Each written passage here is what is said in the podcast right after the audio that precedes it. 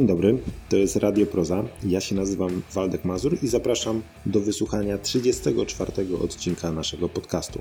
A dzisiejsza rozmowa to nietypowe połączenie koszykówki i poezji. Wszystko to za sprawą Playbooka, nowej książki poetyckiej Tomasza Bąka, która we wrześniu 2021 roku ukazała się w wydawnictwie Warstwy. Bąk, prawdopodobnie najchętniej omawiany i najczęściej nagradzany polski poeta reprezentujący roczniki 90., postanowił napisać książkę, która dotyczy jego największej nieliterackiej pasji koszykówki. Tym sposobem w rozmowie prowadzonej przez Oskara Mellera tacy poeci jak Stanisław Barańczak czy Marcin Sendecki występują tu na równych prawach co Michael Jordan czy LeBron James. Zresztą posłuchajcie sami.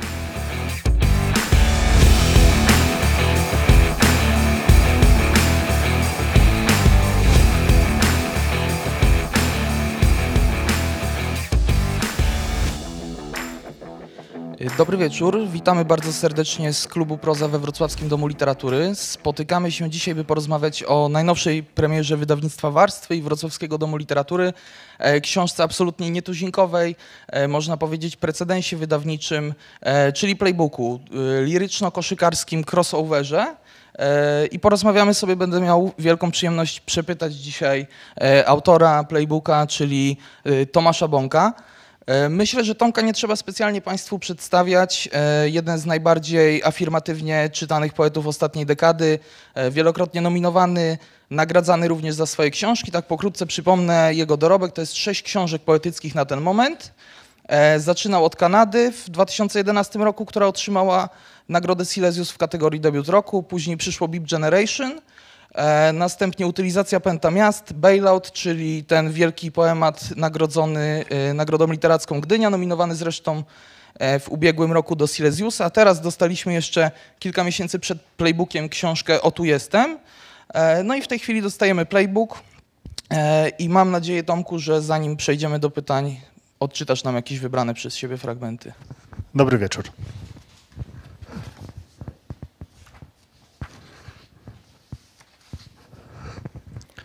Przepchnij piłkę przez obręcz. Wypis ze Szczepana Kopyta. Przepchnij piłkę przez obręcz. Idea koszykówki żywi się ciałem, jego mięśniem i kością. Oto mój Rooker Park, mój niepewny crossover.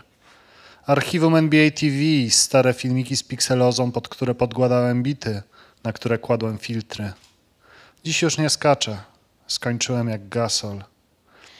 W Stanach wszystko jest większe. Ludzie giętcy. Ich gesty są na parkietach gimbazy, ich buty to wyzwanie dla nauczycielskiej pensji. Przenieś talenty na Florydę. We're all witnesses. Przepchnij piłkę przez obręcz. Poezja koszykarzy to czysty playbook. To okrzyk trenera sekundę po timeoutie. Umieść piłkę w koszu.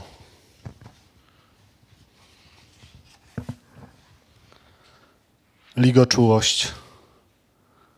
Jeśli akurat trwa sezon, w każdym nowym miejscu testuję ligoczułość sąsiadów. Tym razem wieje lutym. Spoglądając na zegar biologiczny, jestem w swoim prime. W lipcu zeszłego roku podpisałem trzyletni kontrakt z Zakładem Ubezpieczeń Społecznych. Zdradzany polskim świtem każdej draftowej nocy, jestem niepokojąco spokojny o swoją przyszłość. Skoro akurat trwa sezon, opuszkami nadaje rotację światu.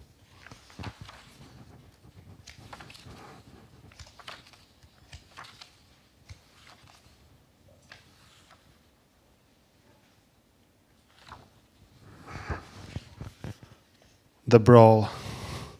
With less than a minute left in the game, a fight broke out between players on the court. After the fight was broken up, a drink was thrown from the stands at the then Pacers player Ron Artest, now named Meta World Peace, while he was lying on the scorer's table. Artest then entered the crowd. Zacząć jeszcze raz.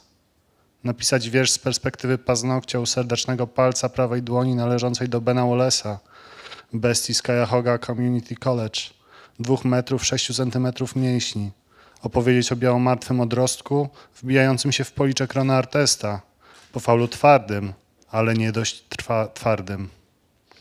Wyrzucić tę wersję. Przyjąć perspektywę papierowego kubka na wodę z cukrem, pierwszego kamienia, który rozpoczął lawinę Rozwodzić się przez moment nad temperaturą płynu i być może opowiedzieć nieco o roli słodkich napojów gazowanych spożywanych w halach sportowych w czasach epidemii otyłości oraz o wzroście zachorowań na choroby cywilizacyjne w miastach stanu Michigan. Ostatecznie porzucić tę koncepcję. Być tym kibicem, który dostał wpysk od Stephena Jacksona i wyeliminował go z 30 spotkań. Nie wspominać jednak o bólu kibica, napisać tylko o nagłówkach z prasy. The most infamous brawl in NBA history. The worst night in NBA history. Być palcem Reggie'ego Millera, który skończył bez biżuterii. Horns. Żywoty równoległe. Nie tak dawno temu polscy sprawozdawcy sportowi o najlepszych w swoim fachu koszykarzach mówili, że strzelają celnie jak rewolwerowcy. Skundlone to było. Wiało piłką nożną. Jak soku zaroni nie cierpiałem tego porównania. Jasona Kida ceniłem wyżej od Bilego Kida i wolałem myśleć o sobie raczej w kategoriach paranoicznego matematyka. Postrzelonego geniusza, który najbardziej w świecie umiłował geometrię i dzięki błyskawicznej analizie kątów jest w stanie ciskać najlepsze balet pasy na planecie. Znowu strzelisty zabieg stylistyczny. No cóż, wygląda na to, że raczej nie pogramy w kosza w Christchurch. Tak, nasze życia miały wyglądać inaczej. Nig niczego nigdy nie pragnęliśmy tak samo. Przenigdy nie pragnęliśmy tego samego. Kiedy byłem dzieckiem, pragnąłem zostać kaczorem Donaldem, ale wiesz, prawdziwym kaczorem Donaldem. Najprawdziwszym kaczorem Donaldem w świecie, który stał się zapleczem Disneylandu. Z innych niemożliwości, ucząc się tabliczki mnożenia, najbardziej w tysiąclatce chciałem, żeby 7 razy 7 dawało 47. Jak widzisz, pragnienia nie są mi obce. Pragnienia zupełnie nie są mi praktyczne i sądzę, że dobrze byłoby pragnąć choć trochę psychotycznie, pragnąć całkiem bez pudła. To celniejsze niż strzał. Właśnie dlatego nasze życia miały wyglądać inaczej. Byliśmy matami bonerami w świecie Kevinów Garnetów. Będziesz miał dużo czasu, żeby o tym pomyśleć. Dzięki wielkie.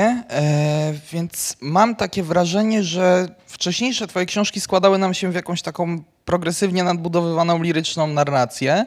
E, I oczywiście w każdej z nich pojawiały się takie leitmotywy, jak na przykład wiersze e, o człowieku piździe w Beep Generation, e, takie erotyki z tej pierwszej części utylizacji. E, wiersze o Tomaszowie też były w e, tomie Beep Generation i później się przewijały w kolejnych książkach. I jednak krytyka w jakiś sposób obrała sobie linię odczytywania Twoich wierszy przez pryzmat właśnie tej Twojej krytyki e, społeczeństwa spektaklu, e, porządków kapitalistycznych.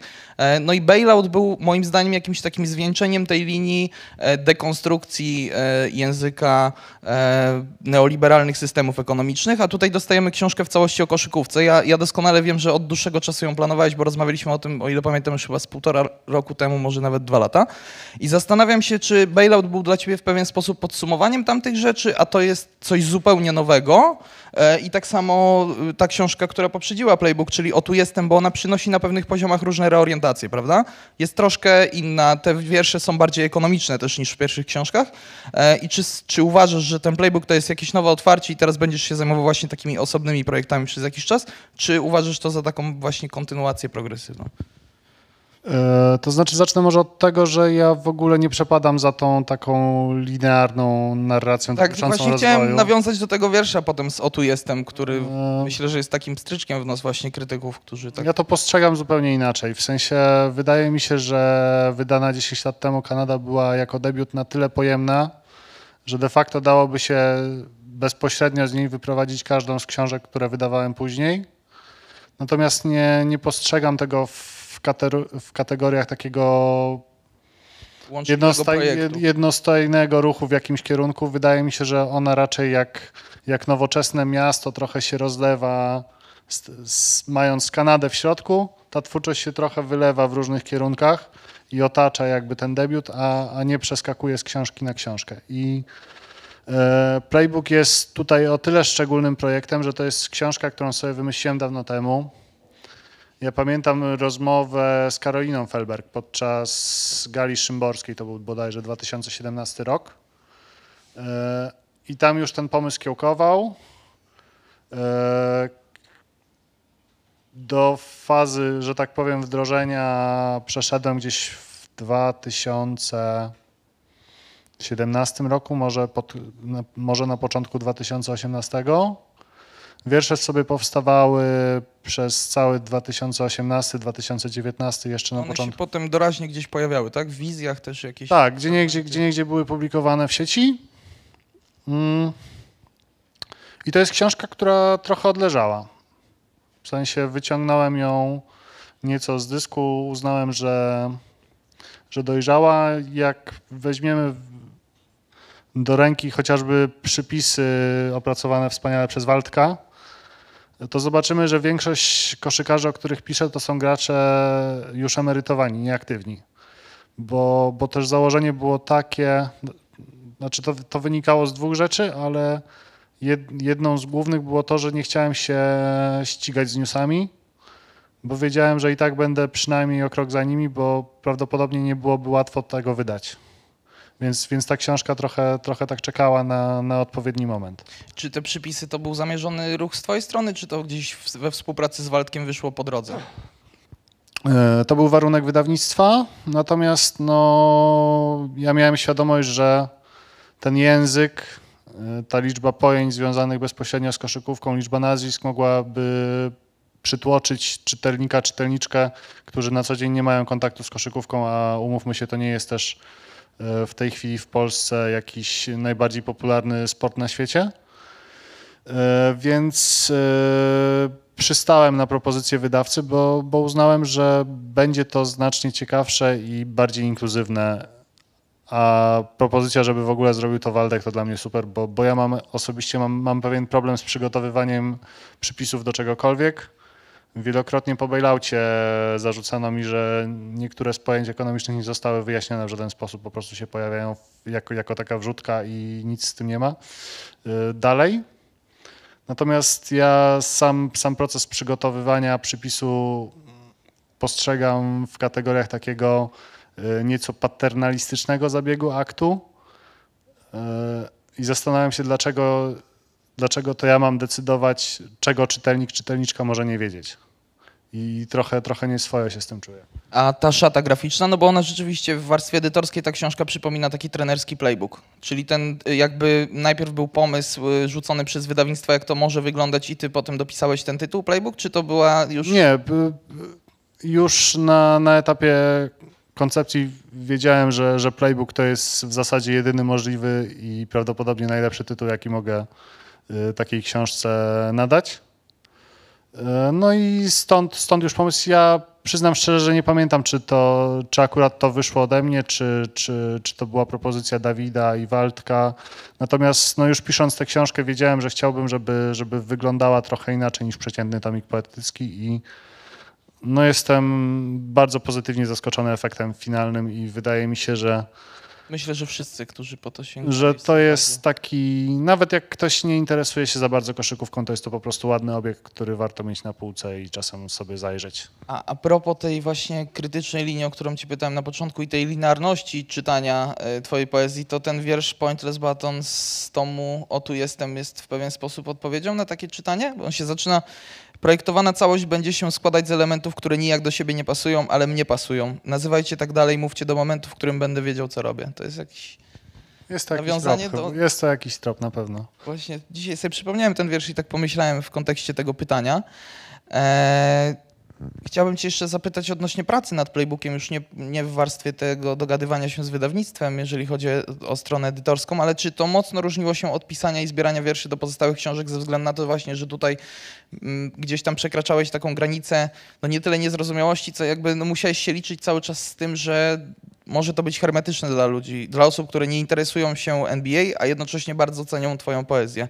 Czy pisałeś tę książkę na przykład z nastawieniem, że to jest książka przede wszystkim dla ciebie, aby spełnić jakieś twoje wewnętrzne aspiracje, czy dla wąskiego grona odbiorców, takich, którzy interesują się i tym, i tym tematem, czyli nie wiem, tak jak na przykład ja, bo wiedziałeś o tym i załóżmy Waldek, czy wręcz odwrotnie stwierdziłeś, że chcesz wyjść z NBA do osób, które czytają twoją poezję, a nie słuchają na przykład o drugiej nad ranem Wojtka Michałowicza.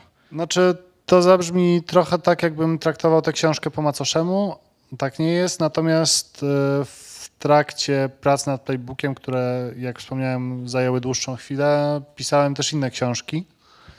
E, I playbook była, był rodzajem odskoczni, rzeczą, przy której bardzo dobrze się bawiłem, którą sobie robiłem totalnie po godzinach na luzie. I myślę, że, że w wierszach z tej książki widać, że, że, że miałem z tym trochę zabawy. E, Natomiast no, na pewno było to wyzwanie, bo no nie, chcę, nie chcę uderzać w jakieś górnolotne tony i mówić, że oto w 2021 roku wynalazłem dla polskiej poezji wiersz koszykarski, bo też, też, nie, No, o, o pierwszym wierszu koszykarskim jeszcze wspomnimy. też, też nie wydaje mi się, żeby akurat wiersz koszykarski był tą formą, której najbardziej potrzeba w tej chwili polskiej poezji. E, Natomiast e, no była to trochę taka... Ale twojej poezji on był potrzebny właśnie jako odskocznia, tak? Rozumiem, w pewien sposób. Znaczy, zawsze chciałem jakoś, jakoś nawiązać do tych doświadczeń mm, boiskowych. Ponadto, no to też jest tak, że jak, jak robię literaturę po godzinach pracy, to zajmuję się rzeczami, które i tak mnie w jakimś stopniu interesują, a e, NBA jest moją miłością od e, mniej więcej 20 lat, więc jest, jest to jedna z moich pierwszych miłości i takich najbardziej długotrwałych. Więc no chciałem, żeby to, to jakieś odzwierciedlenie w mojej twórczości zyskało. Yy, Na pewno była to trochę taka ziemia w jakiś sposób niezdobyta i to było szczególnie interesujące podczas pracy nad, nad tą książką, bo nie miałem gotowej formy, z której mógłbym skorzystać, tylko musiałem sobie tę formę znaleźć, wykombinować, coś z nią zrobić. Ale mi się wydaje w ogóle, że jest tam dużo różnych form i nie wiem, czy te, bo mówisz, że zacząłeś pracę w, nad y, tą książką w 2018 roku. Czy tam się znalazły jakieś wiersze pisane wtedy, czy, czy to były jakieś E, wczesne projekty, tak. rzeczy, które potem poprawiałeś? Bo y, większość twoich książek ma taką, moim zdaniem, konsekwentną linię melodyczną, a tutaj jest bardzo dużo różnych form. Jest i ogromny poemat o, z Jordanem w tle i są takie krótkie ekonomiczne formy. Jest na przykład poemat, y, wiersz, który jest w całości wypisem jakby składu Boston Celtics na przykład. One są zupełnie różne od siebie, a tutaj w O tu jestem jednak metrycznie to wygląda Znaczy, zrzuciłbym to na, na karp tego dłuższego horyzontu czasowego, bo o tu jestem było pisane w zasadzie przez około rok. To, to, są, to, są, to, to są teksty mniej więcej z roku, tam plus minus 2-3 miesiące. E, Natomiast no, playbook powstawał podczas e, pracy nad różnymi innymi rzeczami, więc to się troszeczkę przeciągnęło. Ja nie wiem, czy te formy są aż tak, aż tak różnorodne, jak, jak to się wydaje na, na pierwszy rzut oka, patrząc nawet po długości tekstów. Ja wydaje, wydaje mi się, że takie istotne linie, jeśli chodzi o, o konstrukcję tekstów, to tak naprawdę są trzy. W sensie mamy teksty, które opierają się na konkretnych wydarzeniach dotyczących konkretnych graczy z historii ligi. Mamy trochę tekstów, które opowiadają o tym, jak, jak mi się w koszykówkę grało, jak mi się koszykówkę ogląda, czyli teksty takie bardziej osobiste, anegdotyczne. No i mamy wypisy, które wydaje mi się dla osoby, która nie zajmuje się koszykówką na co dzień, ale podczytuje poezję, mogą być chyba najbardziej interesujące, bo to są y, takie covery, trawestacje, próby przepisania bardzo różnych autorów na, na język koszykówki. Y, O te właśnie wypisy też będę chciał Cię zapytać, natomiast gdzieś tam na początku się pojawia ta kategoria ligoczułości w jednym z takich, myślę, no może nie tyle programowych wierszy tego tomu, ale w jakiś sposób wprowadzając, starającym się wprowadzić e, w lekturę playbooka osoby, które właśnie niekoniecznie śledzą NBA e, i niekoniecznie podzielają z Tobą tak wielką pasję do koszykówki. I zastanawiam się, jak ta ligoczułość ma się do poezji gdzie tutaj jest, w którą ze strony jest skierowany wektor. Czy to jest tak, że e, twoja poezja wydobywa jakąś podskórną ligoczułość e, tej e, z, amerykańskiej zawodowej ligi koszykówki i że według ciebie ta poetyckość NBA gdzieś tam pod strukturami tej wielkiej organizacji drzemie, czy wręcz odwrotnie czułeś, że musisz nadawać właśnie takiego liryzmu zupełnie nielirycznym jakby kawałkom, takim jak właśnie na przykład te wypisy. E, y, Czy ten fragment komentarza na przykład y, z rozruby w pałacu e, Piston Spacers był dla ciebie poetycki od razu, jak go usłyszałeś na przykład i stwierdziłeś, że będziesz go zmieniał w wiersz, czy E, Znaczy tak, na początku pragnę uspokoić, mój wykład noblowski nie będzie się nazywał Ligoczuły Narrator. Natomiast wydaje mi się, że ja tej poetyckości nie musiałem tam wtłaczać na siłę, nie musiałem jej jakoś specjalnie nawet wydobywać, bo to też jest tak, że od kilkudziesięciu lat e, liga ma naprawdę fantastyczną oprawę i to, co dzieje się na parkiecie przez te 48 minut plus ewentualna dogrywka, to, to nie jest wszystko, a czasem wręcz te najciekawsze historie, najciekawsze narracje toczą się poza parkietem. W gabinetach generalnych menadżerów, na karuzeli trenerskiej, na karuzeli transferowej. E, Tych historii w każdym sezonie jest mnóstwo. I to są rzeczy, które warto wyłapywać i które. Mm, które też pokazują, jak bardzo różnorodna stała się liga. Mamy graczy w zasadzie z każdego kontynentu, z różnych krajów, z różną historią. Mamy bardzo różne style gry. Gracze pochodzą z różnych środowisk społecznych, są. Yy, mamy kilku kujonów, takich jak, nie wiem, Malcolm Brogdon czy Jalen Brown, a mamy też graczy, którzy są na przykład otwartymi płaskoziemcami, jak Kyrie Irving, czy, czy mamy, mieliśmy bo teraz trochę, trochę tutaj przepisy się zmieniły, no ale mieliśmy też otwartych de facto bandytów, czyli Stephena Jacksona i... Przerwę ci tylko na momencik, nie wiem czy wiesz a propos Brogdona, że właśnie odwiedził ostatnio Słupsk. Tak, widziałem, widziałem że, Leończykiem trenował że, że trenował, tak, indywidualnie. tak. E, także tutaj ten, ten potencjał, który, którego nie trzeba wydobywać, ale który można opisać, jest po prostu ogromny i ten playbook mógłby, gdybym kontynuował pracę nad tym projektem i i uznał, że jeszcze, jeszcze mam coś ciekawego do, do dodania, jeszcze chcę się tym bawić, to, to mógłby być znacznie obszerniejszą książką, bo, bo ja tak na dobrą sprawę na tych, aż sprawdzę ilu, 70 paru stronach, no to mam wrażenie, że tak e, de facto liznąłem temat. To, to jest e, takie podejście nieco naskórkowe. Znaczy, mi brakuje wielu zawodników, ale o to też będę cię pytał, czy to jest jakiś specjalny zamysł, żeby odsunąć, nie wiem, na przykład Wade'a, Carmelo z tej głównej narracji. No bo LeBron się pojawia w bardzo ważnym wierszu. Jakby zwracasz mu prymat w NBA naszych czasów, ale, ale rzeczywiście no, brakuje mi kilku i, i będę pytał cię za chwilkę o to, czy to jest jakieś właśnie zagranie z tą warstwą NBA, która nie przebija się może do świadomości osób, które nie śledzą tego aż tak dogłębnie jak ty. E, Natomiast chciałem Cię zapytać jeszcze, no wiem, że pytanie o Twoje poetyckie początki to sztampa, ale w kontekście tej książki myślę, że o Twoje koszykarskie początki e, jak najbardziej zasadne jest zapytać, bo wiem, że też trenowałeś w różnych drużynach juniorskich, tak? I to czuć też w pewien sposób w rytmiczności tej frazy, moim zdaniem, bo tak jak wspomniałeś też na początku, nie wszystkie wiersze są poświęcone NBA. E, Są tam wiersze opowiadające po prostu o jakichś twoich przygodach na parkiecie, na betonie. E, I mam takie wrażenie, że ta fascynacja koszykarska, w moim przypadku tak też było, w pewien sposób, przynajmniej może kiedy miałeś, nie wiem, e, 15-16 lat i się tak mocno, e, mocno tym zajmowałeś, była w pewien sposób taką fascynacją materialistyczną też, nie?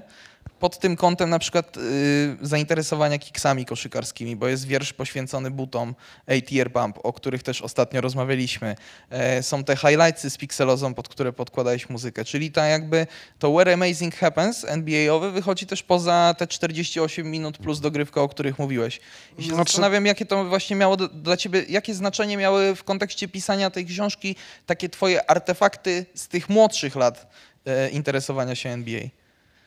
Znaczy, no to są, to są na pewno pamiątki, które, które jakoś, jakoś zostały. No, przy, przy okazji premiery po prostu zrobiłem taką sesję zdjęciową, gdzie, e, No, właśnie o to też gdzie, gdzie książka pojawia się w towarzystwie koszulki meczowej, które to koszulki, gdy miałem tych właśnie 15-16 lat, no, namiętnie poszukiwałem tego typu koszulek w second handach.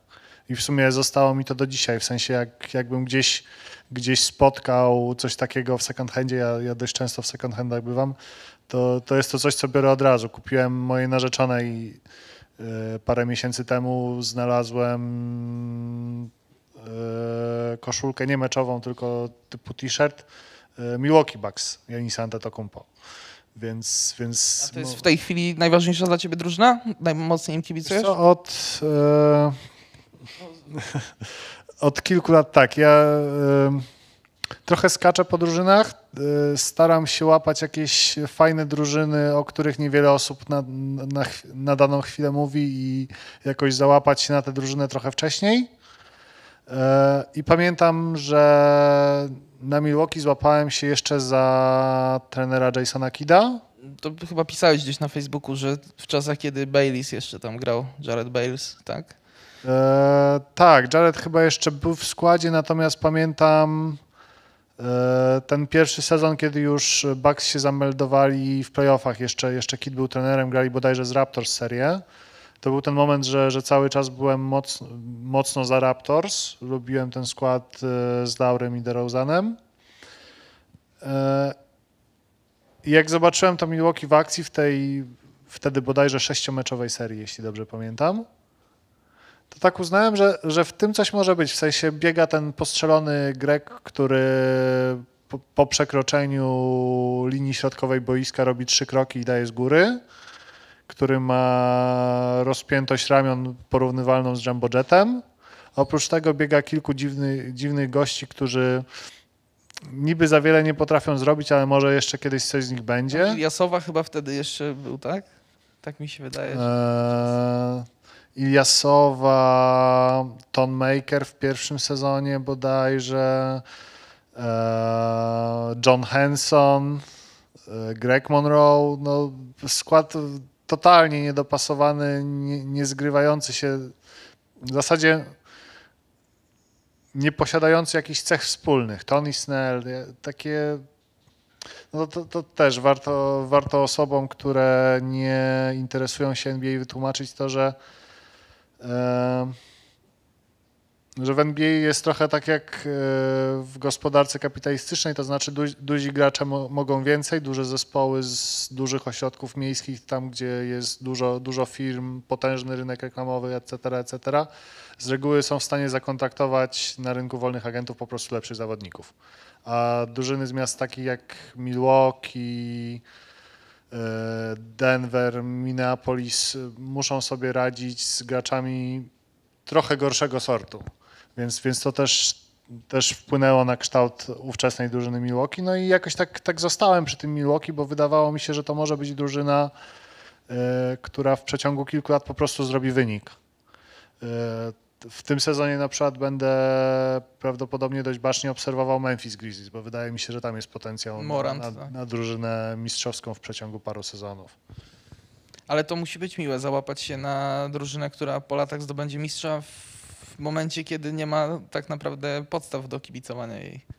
Nadziei na, na, na E, sukcesy. No Milwaukee 50 lat cz- czekało na tytuł, bo, jestem bo, z bo drugiej- poprzednie ja mistrzostwo jestem- z 71 Tak, roku. no ja jestem z drugiej strony, czyli z Chicago Bulls. Zainteresowałem się przy okazji Rose'a i potem już w tej chwili już długo, długo nic, żadnych powodów do radości.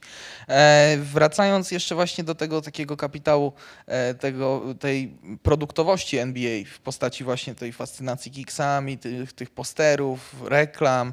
E,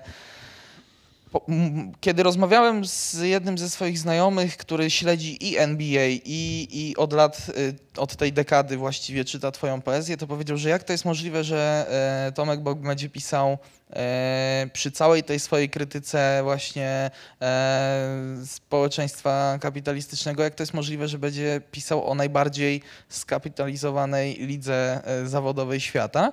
E, A mi się wydaje, że właśnie tak jak tutaj już wcześniej wspomniałeś, przez to sięganie po takie zakulisowe sprawy i, i tych koszykarzy, takich, którzy no dzisiaj są raczej memiczni, jak Scott Pollard czy Brian Scalabrine, e, udaje ci się w jakiś sposób e, znaleźć wytrych do tego, żeby uciec.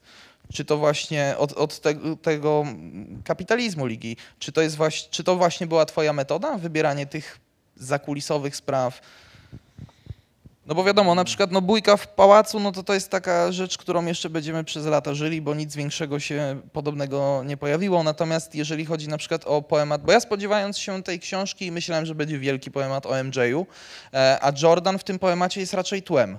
Tym największym poemacie w książce. Tłem do opowiedzenia o Mutombo na przykład, o duecie Stockton-Malone. E, Kobi pojawia się gdzieś na końcu, chociaż spodziewałem się, że napiszesz jakiś długi rapsod na jego pożegnanie na przykład. Czy właśnie korzystanie z tych mniej e, kluczowych, jakby nie wychodzących aż tak poza te ramy tego, co widzimy w telewizji sytuacji, czyli jak te żelki na przykład Diona Waitersa, czy ta słynna pensja Latrella Spiruela, to właśnie był wytrych, żeby odrzucić ten kapitalistyczny sznyt? Wydało mi, się, wydało mi się ciekawsze. To znaczy, to też jest trochę tak, że dla mnie ta NBA jest jak ta ostatnia szczoteczka do zębów z tych y, ponurych snów y, liberalno-konserwatywnych ko- komentatorów życia publicznego. Y, Natomiast wydawało mi się, że, że właśnie pokazanie tej, tej ligi mm, całego przekroju, no bo, bo NBA to nie tylko gwiazdy, tylko, tylko właśnie mnóstwo takich graczy, którzy za te gwiazdy biegają, zbierają, robią czarną robotę na parkiecie. No tu Matt Boner się pojawia na przykład, nie? Tak, Red Rocket. kompletnie no, niedocenianych. Dzisiaj już pewnie mało kto o nim pamięta. Y, Tak, no generalnie... Od razu mi się przypomniał przy tej okazji przy Spurs z tamtych czasów Tiago Splitter też troszkę zapomniany, który też jakąś tam robotę wykonywał. Spurs to mieli w ogóle w tej, w tej całej serii pięciu mistrzostw, tak? Pięć? Oj, nie jest. Od 99 do 2014. Jeszcze z Robinsonem, tak? Jak się zaczęło, to chyba. Tak, tak, pięć. za, za kadencji Duncana, tak? Mm, to chyba pięć. No to, no to mieli ogromne szczęście do, do wyciągania takich graczy, po których nikt nie spodziewał się, że mogą mieć wartość dla, dla mistrzowskiej drużyny. Nie wiem, Steven Jackson, który był mocno postrzelony, a w 2003 roku robił dobrą robotę dla, dla drużyny. Tak? Robert Ory, który, który jest takim jakby Talizmanem. wzorcem z Sevr, y, gracza zadaniowego dla, dla No i drużyny takim talizmanem, który tak. Gabe Winera rzuci, a przez cały sezon nic prawie nie zrobi, nie? Także, także to, to mi się zawsze wydawało ciekawe. Ja, ja generalnie jeszcze w czasach, kiedy, kiedy dość, dość dużo czasu spędzałem na boisku, to też, też wyszukiwałem sobie takich, e, takich graczy, którzy robili coś ciekawego, a nie, a nie do końca może byli gwiazdami największego formatu. Nie wiem, pojawia się Andrzej Kirilenko, który był jednym z... No ale myślę, był, był All-Starem. no był All-Starem, ale to, to nie była gwiazda tak, takiego wielkiego formatu, która nie schodziła z czołówek, a był no dla mnie, myślę, że w top 5 moich ulubionych graczy na pewno by się znalazł. Jako, To jako dla mnie był Ben Gordon kimś takim. No, jako je- Kirilenko jako świetny obrońca. Uwielbiałem na przykład Lamara Odoma z czasów tych mistrzowskich Lakers, czyli takiego y, gracza na pozycji, która de facto nie istnieje, czyli point forward. E, Więc, więc to, to, to zawsze mi się wydawało ciekawsze. No, jako czarny charakter w tej y, w playbooku pojawia się Allen Iverson, którego nie cierpiałem. Właśnie zastanawiałem się nad tym, bo moim zdaniem jednak ten sezon, w którym dostałem MVP, no to nie był ani z jednej strony nie, nie, nie był przecenionym zawodnikiem w tamtym akurat sezonie, moim zdaniem, ani z drugiej strony liga nie była aż tak słaba, żeby jego MVP było naciągane, że, po prostu, że miał farta, Tak. akurat wtedy to było. Tak, tylko z Iversonem był ten problem, e, że w czasach, w których grałem, koledzy z drużyny, którzy mieli pełnić obowiązki rozgrywającego, Grali jak Iverson. bardzo mocno inspirowali się Iversonem, a to był czas, kiedy Steve Nash zdobywał dwa razy z rzędu tytuł najbardziej wartościowego gracza. To były czasy Barona Davisa, wspomnianego w tej książce, nie wiem, młodego Chrisa Paula, młodego Derona Williamsa, y, Jasona Kida wciąż w wysokiej formie, grającego z New Jersey jeszcze. Więc tych, tych wzorców takich, jeśli chodzi o bycie rozgrywającym, było mnóstwo, a oni i tak wybrali, wybierali Alena Iversona i klepali ile się dało i rzucali przez ręce, więc, więc po prostu, po prostu, zresztą e, ja się chyba muszę przyznać do czegoś, bo, bo ja boiskowo też dość mocno byłem outsiderem. A dlaczego? W pierwszej dekadzie tego stulecia NBA było subkulturą mocno hip-hopową.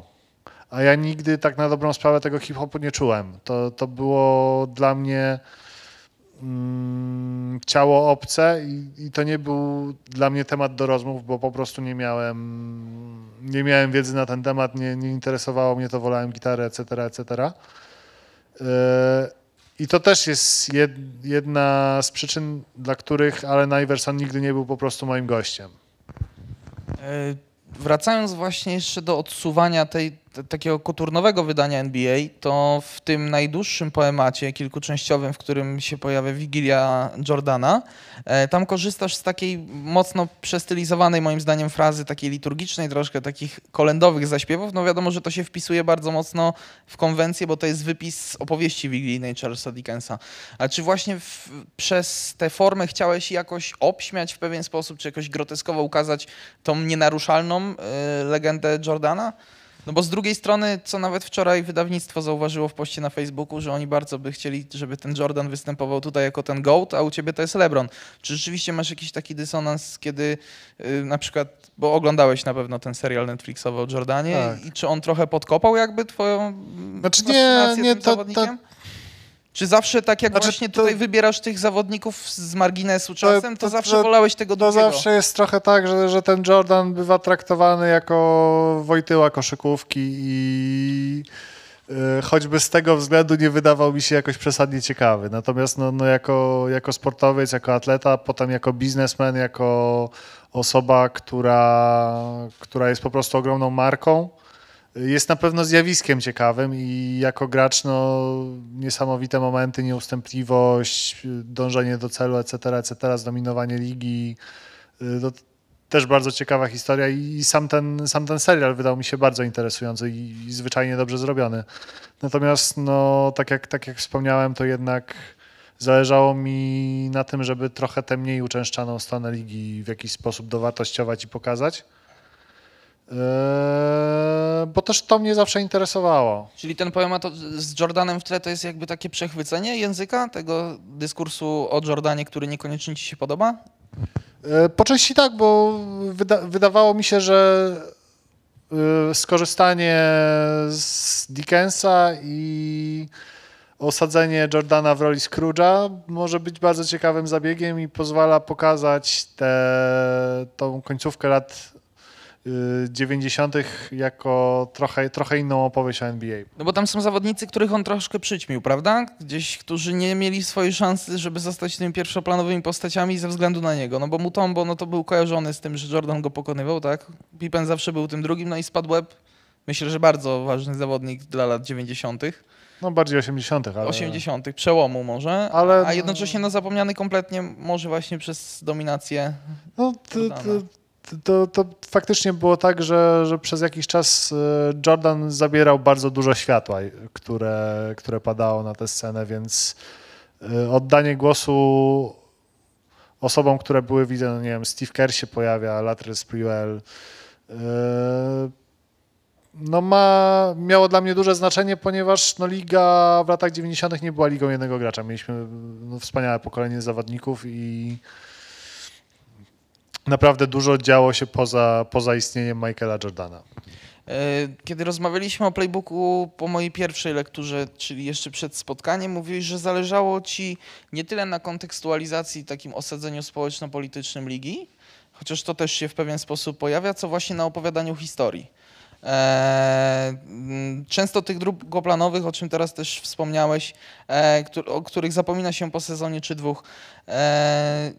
I zastanawiam się, czy właśnie takie narracje jak ten draft postrzegany zawsze przez Milicicia, czy te, ci Raptors, o których mówiłeś, że oni kojarzą ci się z Popesołem, z TJ Fordem, tym tak strasznie naznaczonym przez kontuzję, czy właśnie Steven Jackson kojarzący się z tym epizodem w Spurs i, i rozróbą w pałacu, e, to to udowadnia, że w pewien sposób NBA i śledzenie NBA jest zależne od tego, z jakiego pokolenia pochodzimy.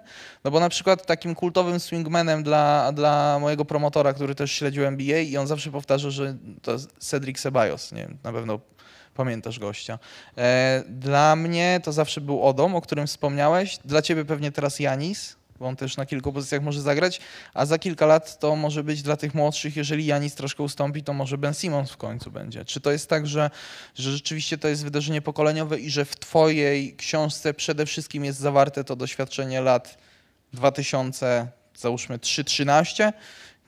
Znaczy wiesz, to, mm, to wynika po części ze specyfiki ligi, tego w jaki sposób jest dostępna, bo e, oglądanie NBA Polsce nieodłącznie jest związane z zarywaniem nocek, ze śledzeniem tego w porach, w których e, większość sąsiadów już po prostu śpi. To, to, dla mnie ma e, wręcz formę pewnego... jest o tym w ligoczułości. Tak, dla mnie ma sąsiadów. to formę wręcz pewnego rytuału. Moja narzeczona y, około, nie wiem, 23 idzie spać.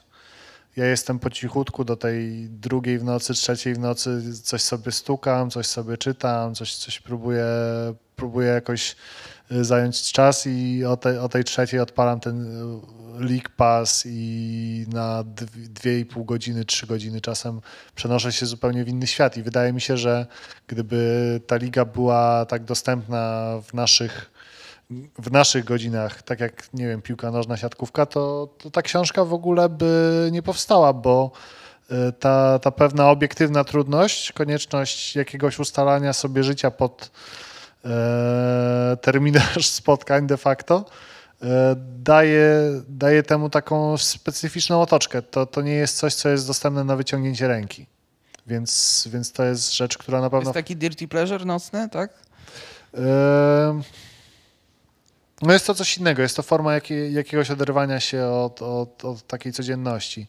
Natomiast co do, co do pokoleniowości, no to, no to wydaje mi się, że, że tak, na pewno. Ja pamiętam, e, pamiętam jak LeBron przychodził do ligi e, i było mnóstwo materiałów, ogromny, ogromny szum wokół, wokół jego pojawienia się w lidze. Pamiętam taki e, w piątki, nie wiem czy to nadal istnieje, NBA Action? Nie, pamiętam e, dodatek do przeglądu sportowego, taki kolorowy magazyn. Nie wiem. Czy... I, i LeBron, pamiętam, był, był na okładce, jakieś pytanie w stylu, czy będzie lepszy niż Jordan. No i podebrałem ten dodatek mojemu tacie, który ten przegląd czytał. E, Tata tak spojrzał tylko na, na okładkę. Na pewno nie będzie lepszy niż Jordan. I to już była ta, wiesz, ta, ta, ten dystans pokoleniowy, bo, bo mój tata miał po prostu okazję tego Jordana trochę uszknąć, a ja tak na dobrą sprawę zała, załapałem się na to, na ten trzeci etap kariery Jordana, czyli Washington Wizards i duet ze Stackhouse'em na, na obwodzie drużyny z DC. Bo jakby bohaterowie twojej książki to są y, nie bardzo współcześni, wchodzący akurat do ligi, tylko ci, którzy już tam od kilku lat są, plus takie kultowe postacie z lat 90., ale nie pojawia się rzeczywiście żaden Hall of Famer na przykład lat 70., 80., chociaż y, o ile pamiętam, tam chyba Hawlicek jest, tak? Pojawia się. Tak, bo, bo zwyczajnie miał ten niefart, że, że zmarł w trakcie pracy nad książką i, i wydało mi się zasadne umieszczenie go, zwłaszcza, że e, Boston Celtics jako figura dość często pojawiają się w tej książce, więc zasadne wydało mi się umieszczenie go na kartach playbooka. Natomiast no, tutaj, tutaj kwestią są obiektywne trudności techniczne, bo jakkolwiek niektórzy dziennikarze sportowi nawet próbują porównywać koszykarzy z lat 70. z tymi z lat 90. i z tymi z lat dwu- 2000 i zastanawiają się, czy gdyby X przyszedł do ligi 20 lat później, to czy nadal zdobyłby tyle, a tyle mistrzostw, etc., etc. To też jest tak, że ja jako osoba urodzona na początku lat 90. po prostu nie mam materiału, z którego mógłbym poznać tych koszykarzy z lat 70. czy, czy, czy, czy 60. Czy, czy, czy nawet 80. Tego materiału nie zachowało się po prostu na tyle dużo, żeby, żeby tych graczy no, poznać po, po prostu w taki sposób, żeby móc sobie wyrobić jakąkolwiek opinię, no bo zostało trochę, trochę zmiksowanych jakichś najlepszych zagrań, parę spotkań na krzyż i to jest w zasadzie wszystko, więc, więc dla mnie to są w ogóle rzeczy nieporównywalne. Jasne. E, tak jak już na początku wspomniałem, Playbook to jest na pewno pierwsza polska książka mm, liryczno-koszykarska, jeżeli możemy to tak określić. Znasz jakieś z poezji zagranicznej podobne próby uchwycenia w ramy poetyckie, właśnie takiej holist, holistycznego uchwycenia w ramy poetyckie jakiejś dyscypliny, ligi? Yy, Nie spotkałeś się? Znaczy, nie? Nie wydaje mi się to całkiem niemożliwe, natomiast e, przyznam szczerze, że nie szukałem takich e, przykładów w literaturach e, obcych. A w tym kontekście myślałeś na przykład o, o przekładzie tej książki? Jakby to było, no nie mówię, że koniecznie zawodnicy by to dostali do rąk, ale może Znaczy zastanawiam się, czy nie byłby to rodzaj jednak trochę tego przysłowiowego wożenia drewna do lasu. Czy, czy, czy to jest coś, co, co w tamtych warunkach mogłoby w jakikolwiek sposób zadziałać, bo e, to, że pisałem playbook jako kibic z Polski daje trochę inną perspektywę ale zubaża to na przykład o kontekst społeczny, bo, bo rozmawialiśmy o tym kapitale, o komercjalizacji ligi, etc., etc. Ja wielu, y, wielu tematów nie, nie poruszałem w playbooku, takich jak na przykład kwestie rasowe, to co się działo w przypadku ruchu Black Lives Matter, etc. O lokaucie też nic nie ma. Myślę, że to w kontekście właśnie kapitału to byłby ciekawy też. E, Tak, wolałem, wolałem nie wchodzić na te, w, te, w te rejony, bo po prostu nie śledzę NBA na miejscu i bałem się, że pewne wątki w jakiś sposób mi uciekną i zabrzmią sztucznie. Wolałem się skupić na, na moim doświadczeniu obcowania po prostu z koszykówką w tym wydaniu. Y, Jasne. Mówiąc o związku jakby koszykówki z poezją u nas, na naszym podwórku, no to jedyne, co mi przychodzi do głowy z dawnych lat, to jest pierwsza piątka Barańczaka i, i u Ciebie w playbooku też się pojawia wypis z tej książki. E, Ja mam wrażenie, że to jest dla Ciebie bardzo ważny autor, gdzieś na przekór e, takiej naszej pokoleniowej narracji, bo myślę, że to jednak nowa fala przez poetów i krytykę z naszych roczników jest w jakiś sposób odrzucona. Zastanawiam się, czy na przykład te późne książki Barańczaka, bo ten wiersz Pierwsza Piątka, on opowiada w ogóle o, o wizycie Barańczaka w Boston Garden w czasie meczu Boston Celtics, kiedy jeszcze tam biegał po boisku Robert Parrish, McHale, McHale, La- tak, Larry Bird. A u ciebie jest Allen, Garnett, yy, Pierce, czyli to jest ten mistrzowski sezon. E, I wiadomo, no to, to było na pewno inspirowane Barańczakiem i to też słychać w pewien sposób w tej melodii, ale czy w ogóle na przykład chirurgiczna precyzja i tam te dwie książki wstecz Barańczaka e, są dla rytmu twojej poezji jakimś punktem odniesienia? Bo mi się wydaje, że w jakiś sposób udaje ci się sprzęgnąć, na przykład w, tym, e, w tych wierszach, które opowiadają już e, o akcjach na boisku, czyli są już takim typowym playbookiem, gdzie opisujesz zagrywki, e, gdzieś tam stoisz e, w trumnie na przykład, czy czekasz aż duży się obróci do, do, do pick and rolla, e, to mi się wydaje, że w jakiś sposób ten ruch właśnie boiskowy jest sprzęgnięty z melodią. Czy, czy to była jakaś dla ciebie inspiracja, czy, czy kompletnie nie? Znaczy nie wydaje mi się, żeby to była rzecz... Żeby to z Barańczaka Znaczy, wypływało. znaczy żeby, żeby to wynikało z Borańczaka i żeby to było coś, nad czym jakoś bardzo, bardzo pisząc myślałem. Natomiast na pewno chciałem, żeby, żeby ta, ta mechanika, ta, ta ekonomia ruchów ciała na boisku w jakiś sposób się została odciśnięta w tym, w tym co widzimy w tekście, więc, więc te zdania mają troszeczkę inną konstrukcję niż na przykład w bailoutie, bo, bo uznałem, że to będzie, będzie po prostu zasadne, będzie dobrze wyglądało i lepiej wybrzmi.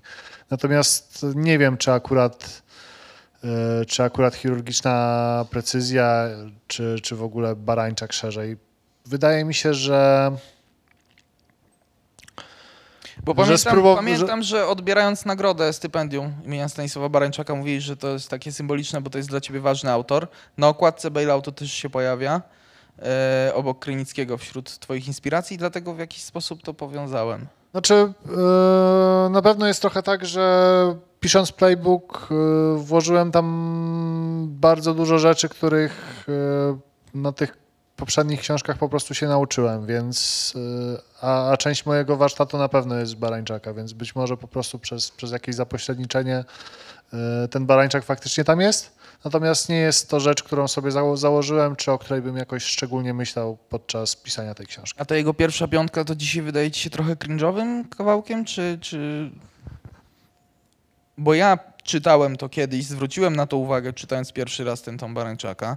E, potem przeczytałem e, playbook i mimo tego, że, że widziałem, że to jest wypis ze Stanisława Barańczaka, kompletnie zapomniałem o tamtym wierszu i gdzieś tuż przed spotkaniem sobie przypomniałem właśnie, że, że jest taki wiersz i on dzisiaj wydaje mi się taki troszkę toporny.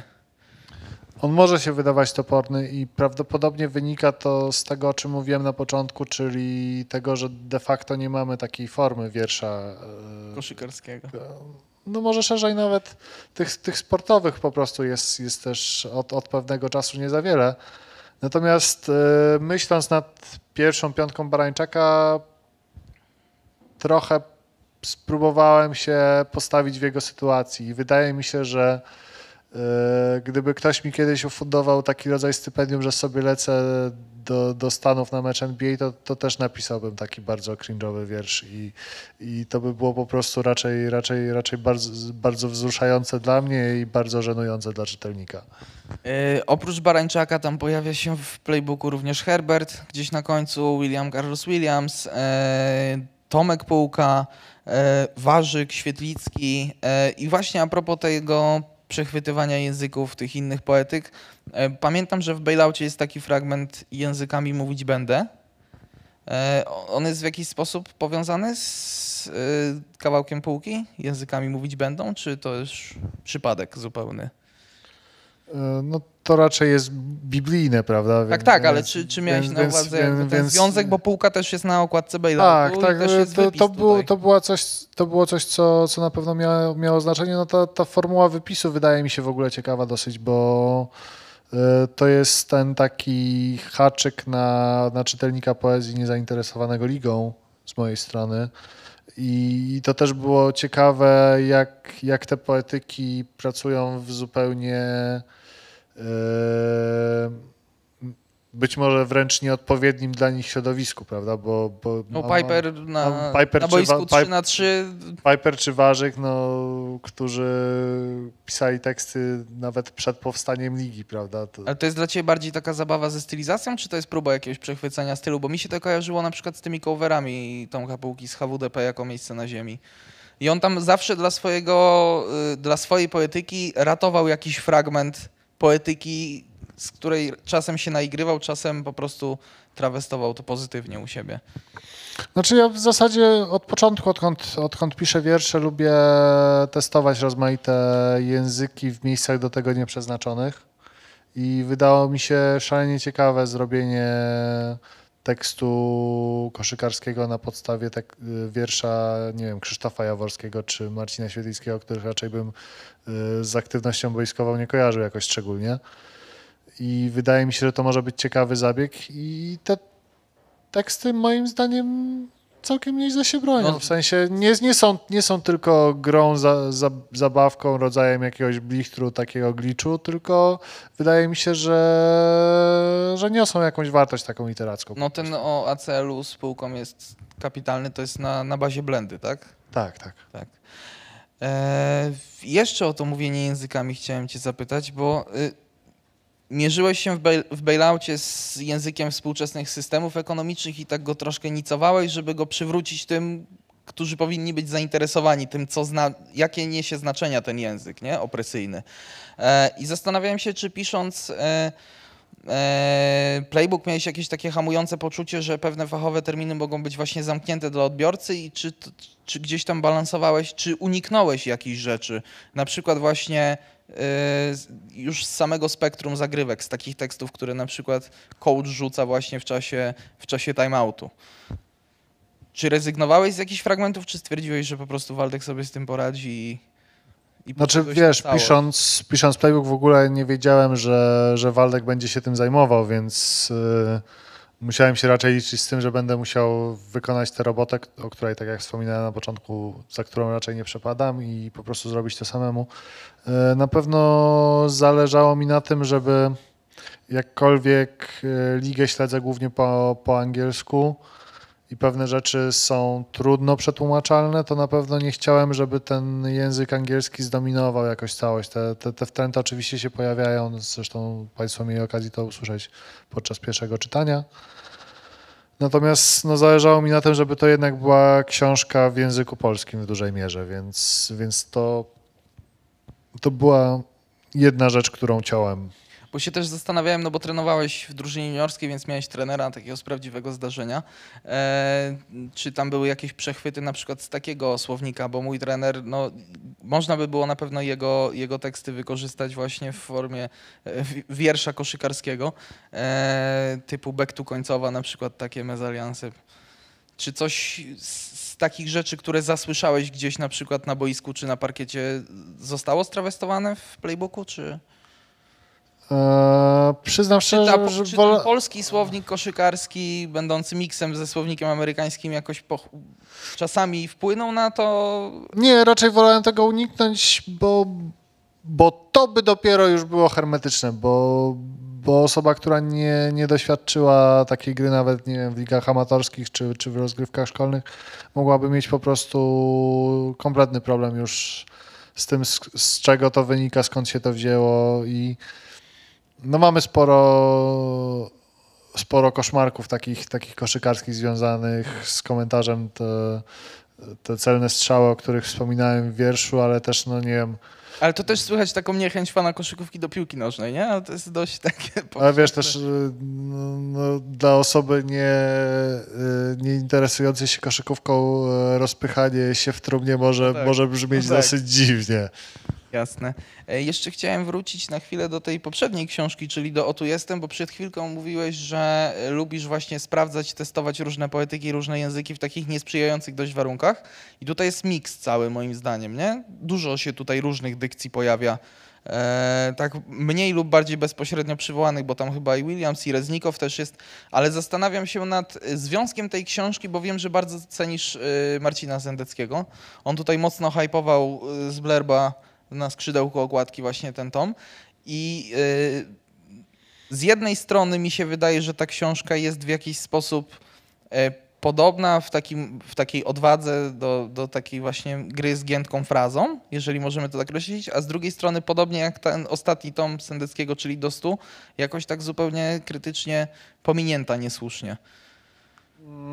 Bo w, też gdzieś tam słyszałem twoją wypowiedź właśnie, gdzie się zachwycałeś nad książką do stu. Czy to też był, czy pisząc o tu jestem, byłeś już po lekturze tamtej książki Sendeckiego, czy, czy to w ogóle nie ma związku? To było w trakcie, natomiast no, no, wiersze Marcina na pewno się tam w jakichś formach pojawiają. Sam fakt, że e, połowę o tu jestem stanowi poemat M, które to M jest odwróconym W Marcina Sendeckiego, je- jest tutaj znaczący. Na pewno był to taki dość, dość odważny, mi się wydaje, po bailoutie krok w kierunku uproszczenia, wyczyszczenia, pewnego wyciszenia poetyki. Eee, I w sumie chyba lubię tę książkę po tych, po tych kilku miesiącach, eee, odkąd, odkąd została wydana. Eee, Natomiast no, no, no co do odbioru, to faktycznie można trochę nawet ukuć slogan. O tu jestem, książka, której nie było.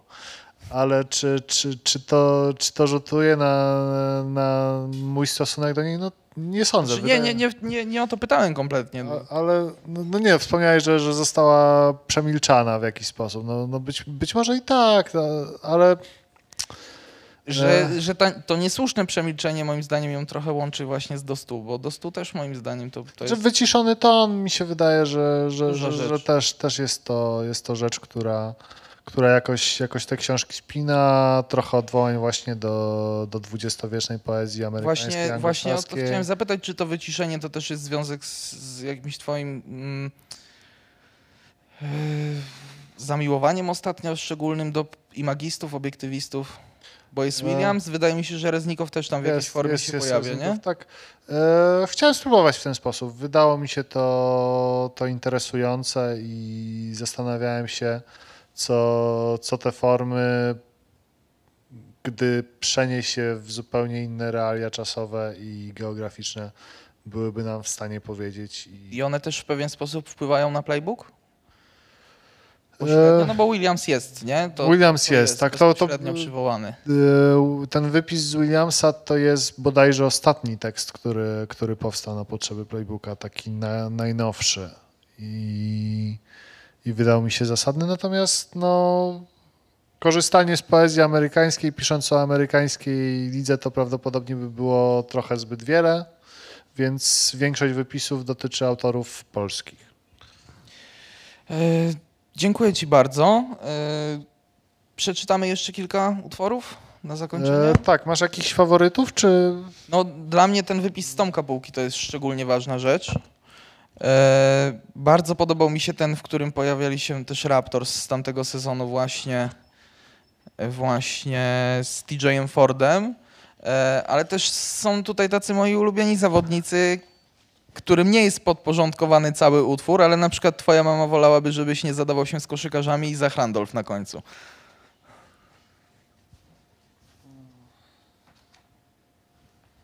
No dobrze, to może cztery sztuki i skupimy się raczej na wypisach. No zobaczymy. Super, właśnie na tych wypisach, bo o nich porozmawialiśmy na koniec. To. ACL, wypis Tomasza Półki. Moje kolana są w coraz to gorszym stanie. Plączą się więzadła, jak język przed tobą. Kiedy robię dwutakt i patrzę na nagranie, moje kolana niosą w trumnę popłoch a la Kobe Bryant, bo jeszcze kroczek, a już stoi w prawym rogu kolega z drużyny, połatanego przez trenera kłębowiska Ego. Nasze zasłony się zderzą. Grymas bólu. Nasze zasłony się zdarzą. Gramy pick and pop. Opowieść o zespole, który zgubił znaczenie. Głośny krzyk, ojcowski krzyk troski w przerwie meczu. Półfinał Mistrzostw Powiatu. Przecież nie doniosą różnicy w wyniku. Moje kolana są w coraz to gorszym stanie. Kiedyś były windą, teraz to są schody. To nie niesie mnie tylko podczas gry.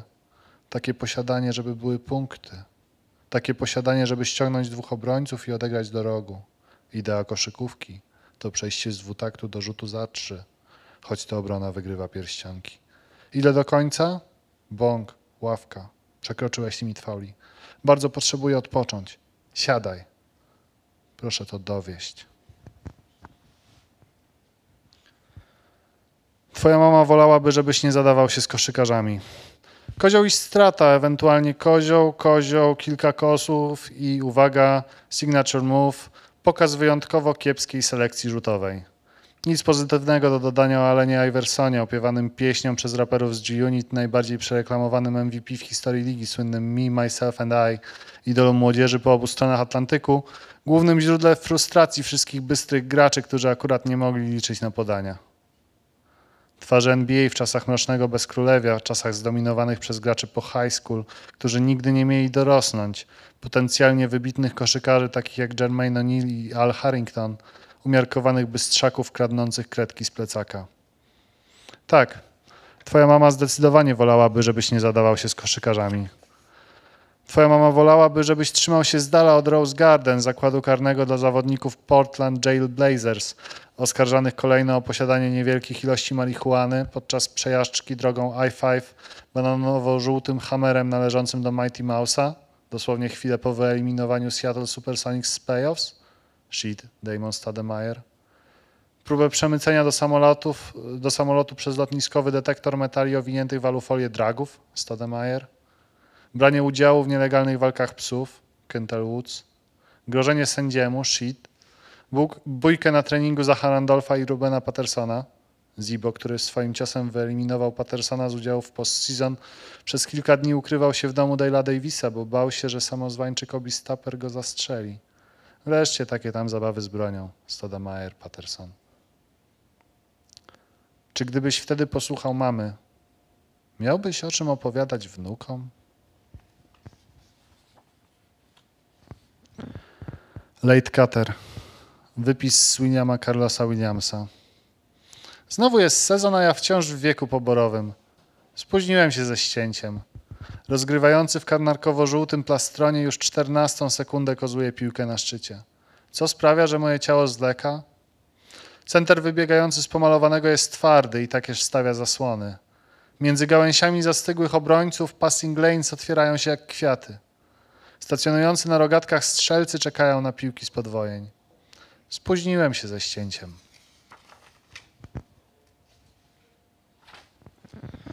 Weź jakiś możliwie reakcyjny odcień i zrób z niego jersey.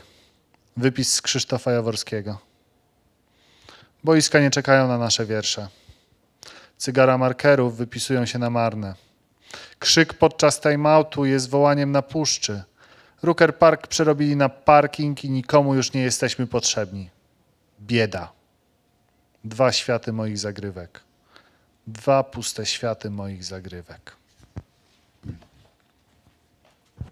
Dziękuję Ci bardzo. Jeszcze na koniec pytanie już kompletnie o ligę. Na przyszły sezon prognozy. Co z Lakersami? Czy Bucks obronią mistrza i czy Bulls wejdą do playoffs w końcu? E, Co do Lakers, to, to jest bardzo dobry materiał na jakiś tekst o nierównościach społecznych, bo jak spojrzymy na to, jak skonstruowany jest skład Los Angeles, to Ale nie chciałbyś, żeby ci ludzie dostali ten pierścień wymarzony? Carmelo na przykład i Westbrook? e, nigdy nie przepadałem za Westbrookiem. Carmelo jako gracz tylko na jedną stronę parkietu też nie do końca mnie przekonywał. Wydaje mi się, że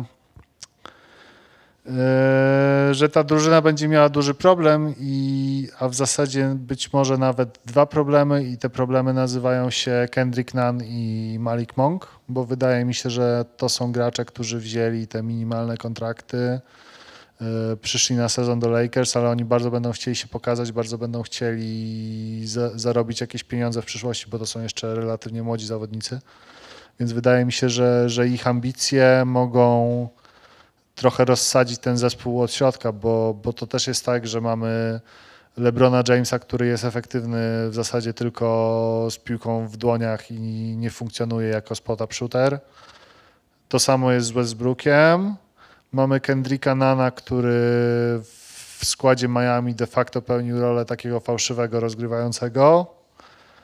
Eee, no i tej piłki może być trochę mało po prostu dla, dla wszystkich zawodników, dla, dla ambicji, które, które będzie, będzie tam widać.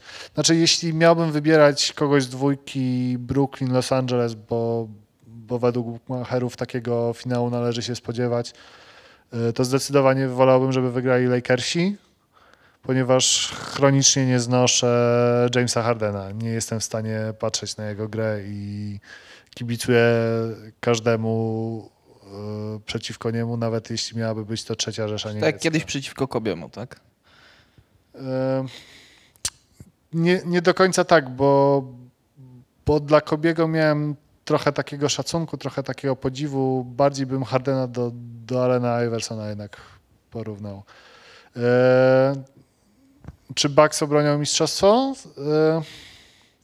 Wydaje mi się, że nie. Wydaje mi się, że ten, ten splot takich różnych dziwnych zdarzeń, który wydarzył się w zeszłym sezonie, już się może po prostu nie powtórzyć i wydaje mi się, że na którymś etapie może po prostu trochę zabraknąć pary, bo jeśli Brooklyn będzie zdrowy, to będzie trzeba go wyeliminować, a wydaje mi się, że po prostu po prostu w, w ostatecznym rozrachunku w siedmiomeczowej prawdopodobnie serii trochę braknie Mm, trochę braknie punktów po prostu. Braknie możliwości kreowania gry.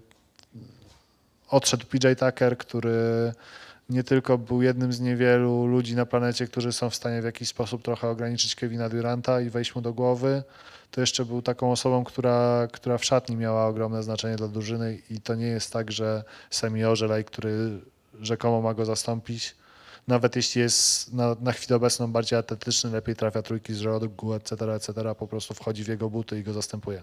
Zwłaszcza, że PJ Tucker ma ponad 5000 par butów, więc w jego buty wejść jest wyjątkowo trudno.